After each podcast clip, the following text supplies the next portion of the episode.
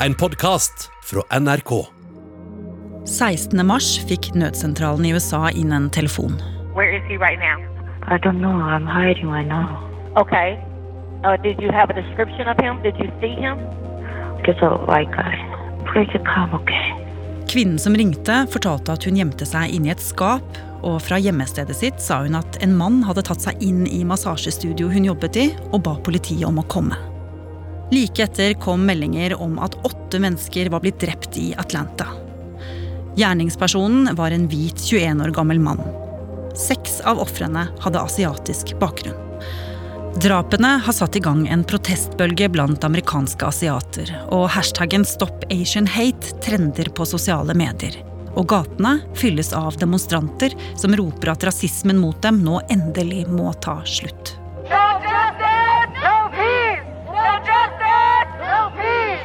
Hvor kommer dette hatet fra? Og kan den grusomme massakren i Atlanta sette en stopper for all volden og rasismen mot amerikanere med asiatisk bakgrunn?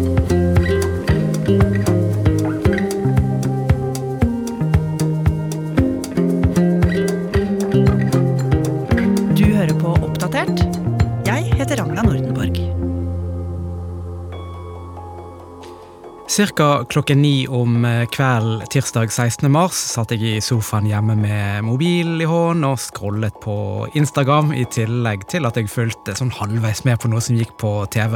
Men så stoppet jeg opp ved en eh, post. Jeg la merke til et innlegg på Instagram. Det var eh, en sak som pågikk akkurat da. Det var sånn breaking news. Og saken ga meg en litt vond klump i magen. Dang Trind er journalist i Oppdatert. Posten handlet om en masseskyting i Atlanta i USA. Det var en, en mann som hadde gått inn på flere massasjestudioer i byen og skutt en del mennesker. Og det var litt uklart hvor mange, for saken den holdt jo på å utvikle seg.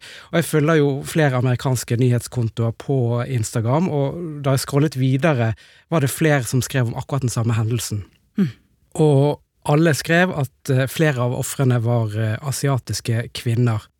Og jeg har jo sjøl vietnamesisk familiebakgrunn og har familie i USA, og en tante og kusine som bor i California. Så jeg følger jo ekstra godt med hvis eh, en hendelse rammer folk som ser ut som, som meg. Og jeg lurte jo på, ja, er dette tilfeldig? Ble de drept fordi de hadde en asiatisk bakgrunn, eller hva var greien, tenkte jeg. Ja. Og så gikk jeg og la meg, så det var ikke før morgenen etter at jeg skjønte hvor stor denne saken var. For da jeg sjekket telefonen på eh, morgenen, kokte det i feeden min. Jeg følger eh, masse kjente forfattere og skuespillere med asiatisk bakgrunn, og det var masse folk som var tydelig forbannet etter å ha sett pressekonferansen politiet holdt i forbindelse med masseskytingen. Så jeg måtte jo sjekke ut hva dette var for noe. Good morning, everyone. Um, I'd first like to begin by offering my condolences to the family. Og det var jo en sånn vanlig pressekonferansesetting. Politimann som snakker foran eh, mikrofoner. Thank you. I'm Captain Jay Baker of the Cherokee Sheriff's Office. So victim um, Altså, de bekreftet jo at det var åtte personer drept, og at seks av de var kvinner med asiatisk bakgrunn. Og de sa at gjerningsmannen eh, var en 21 år gammel mann, og at han hadde kjørt rundt i tre forskjellige såkalte spas, eller det vi på norsk kaller massasjeinstitutt. Han hadde funnet ofrene der. Og politimannen på pressekonferansen fortalte også at gjerningsmannen var eh, tatt, og at han var sexavhengig og ville få bort fristelsen. Det var liksom motivet hans, da. Ja, men det var ikke det som kom fram i denne delen av pressekonferansen som var mest opprørende for folk. Nei, det folk reagerte på, da, det som gjorde de skikkelig forbanna, var jo det som kom på slutten av eh, pressekonferansen. yes, he he understood um, the gravity of it, and he was pretty much fed up and, and kind of at the end of his rope. And uh, and yesterday was a really bad day for him, and this is what he did. For det første sa politiet at det ikke var hatkriminalitet, og så virket det veldig som om de bagatelliserte hele hendelsen. Altså, De liksom sympatiserte med gjerningsmannen som tross alt hadde myrdet eh, åtte mennesker. Og flere skrev ting som når jeg har en dårlig dag, dreper jeg ikke folk. Og andre mente at politiet ikke tok på alvor den rasismen som har truffet amerikanske asiater den siste tiden. Og, så leste jeg også en som sa at det går en rød tråd fra denne massakren til talerstol da, til den tidligere presidenten eh, Donald Trump. Hvordan da? Trump brukte jo mye tid på å hakke på kineserne sant, for koronaviruset. Vi husker jo eh, alle det. We have waged a fierce battle against the invisible enemy, the China virus. Why do you keep calling this the Chinese virus? A Because lot of it people comes say from it's China. racist. It's not racist at all, no, not at all. It comes from China. By the way, it's a disease, without question, has more names than any disease in history. I can name Kung Flu. I can name 19 different versions of names. Og mange av de som nå uttalte seg, mente jo at drapet på disse asiatiske kvinnene i Atlanta kan kobles til Trumps bruk av ord, og at hans måte å snakke på har gjort hverdagen vanskelig for eh, asiatere i USA.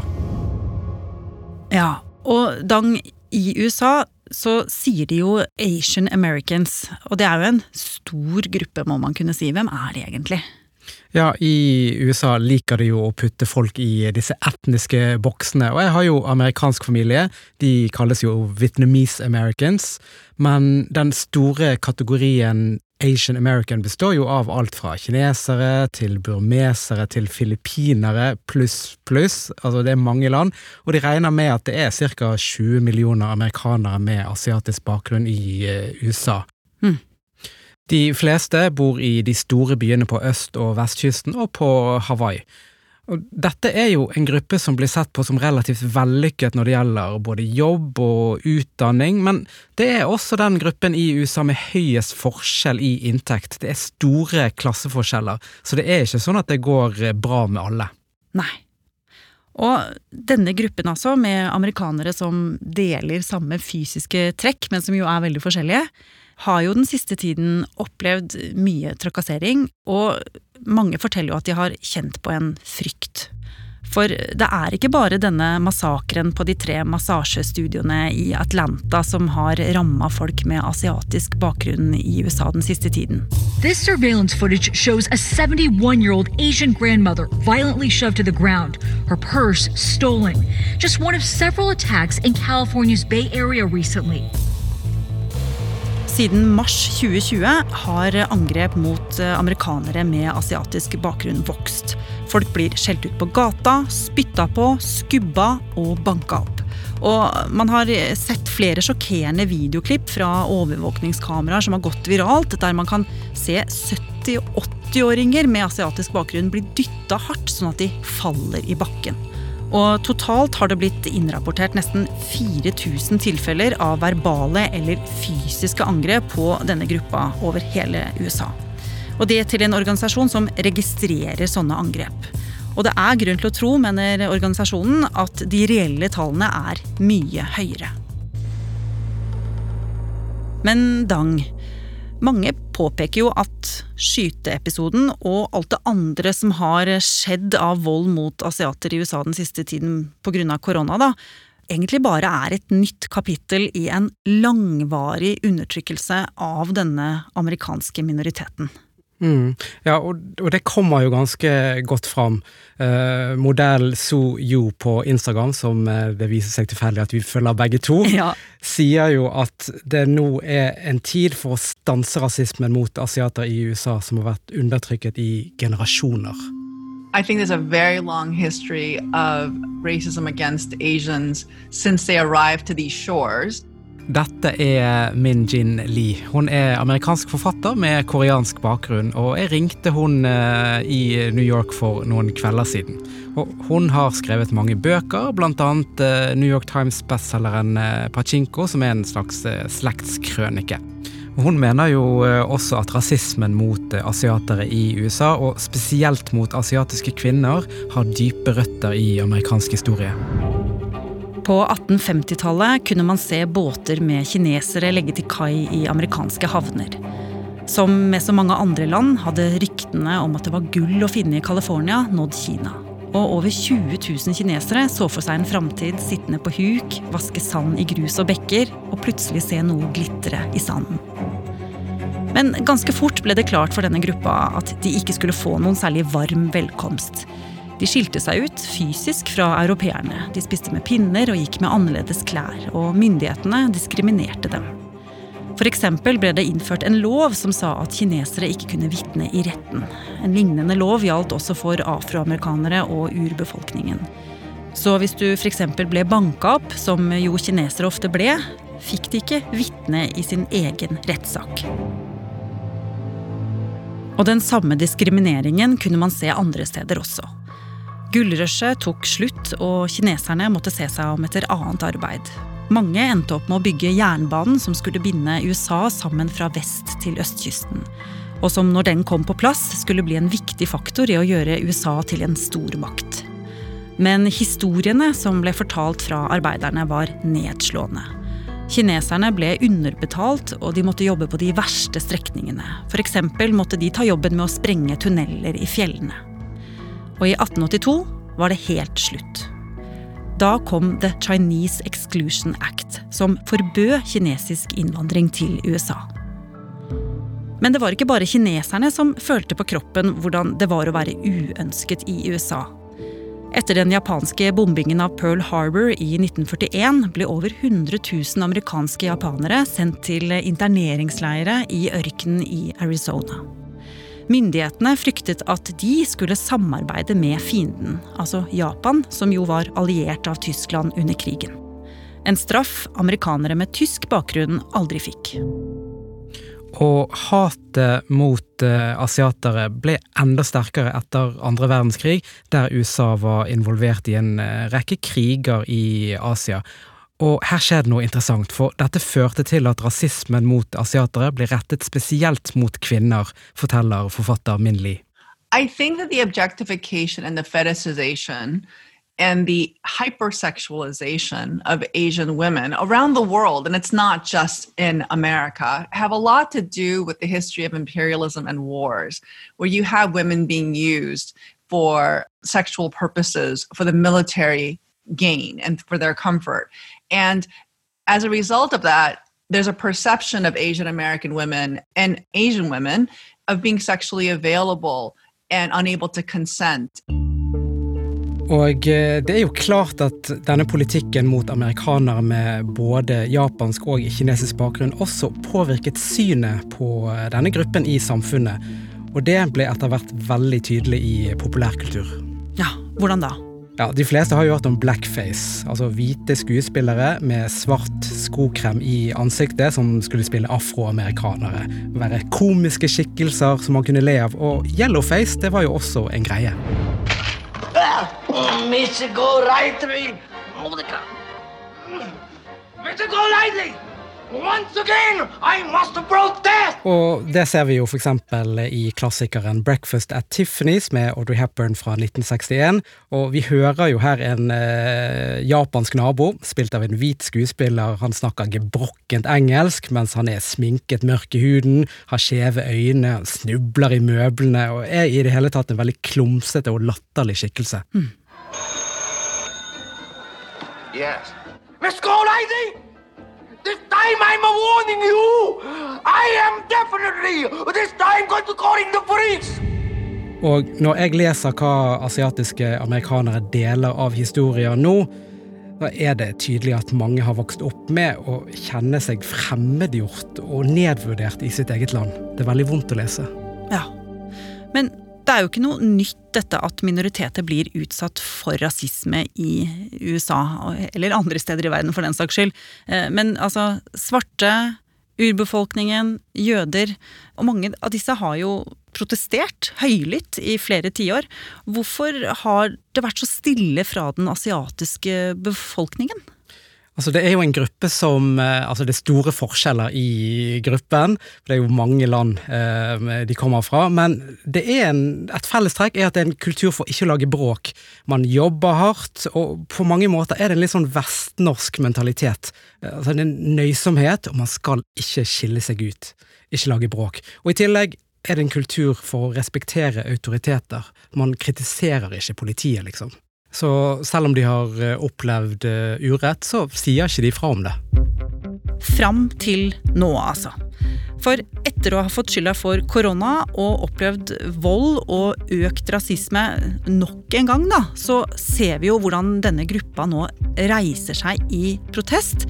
Og det altså på et nivå vi aldri har sett før.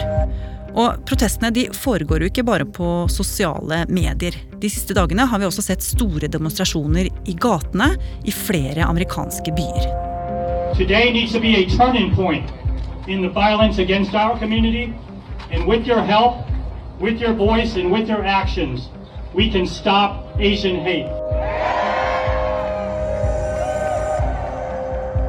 Og det er mange som støtter dem. F.eks. rykka nylig to store talkshow-verter, James Corden og Trevor Noah, ut og støttet amerikanske asiater i deres kamp.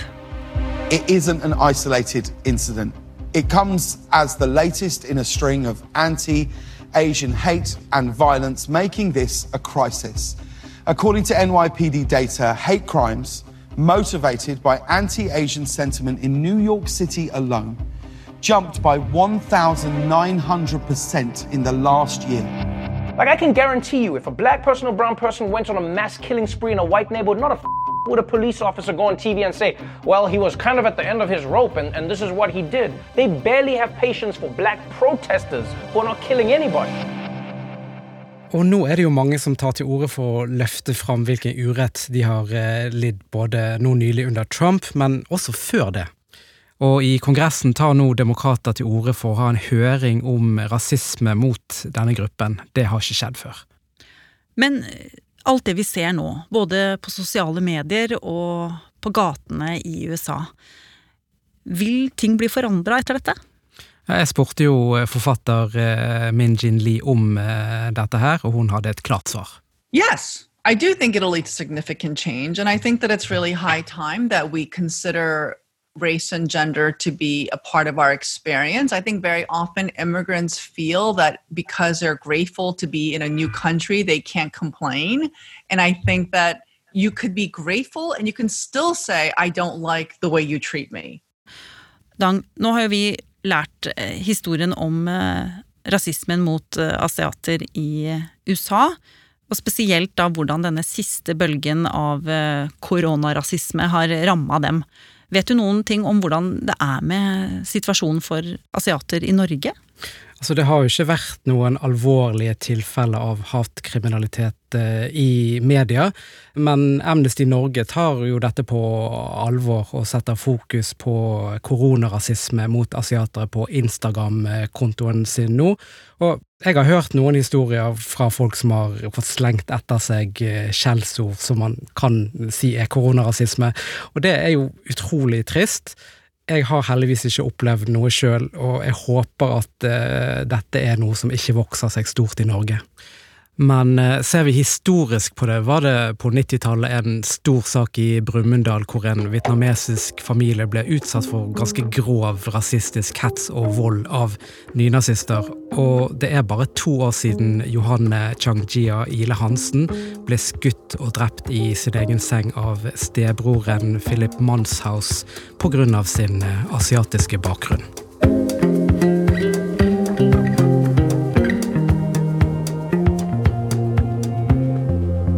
Har du lyst til å bli fast lytter av oss i Oppdatert og få påminnelse om nye episoder, er det bare å følge oss i NRK radioappen. Og så er det veldig hyggelig hvis du vil anbefale oss til en venn. Oppdatert er en podkast fra NRK Nyheter, og denne episoden er laget av Andreas Berge og meg, Ragna Nordenborg. Eva Midthun Leira er redaksjonssjef. Vil du kontakte oss, gjør gjerne det på oppdatert krøllalfa nrk.no.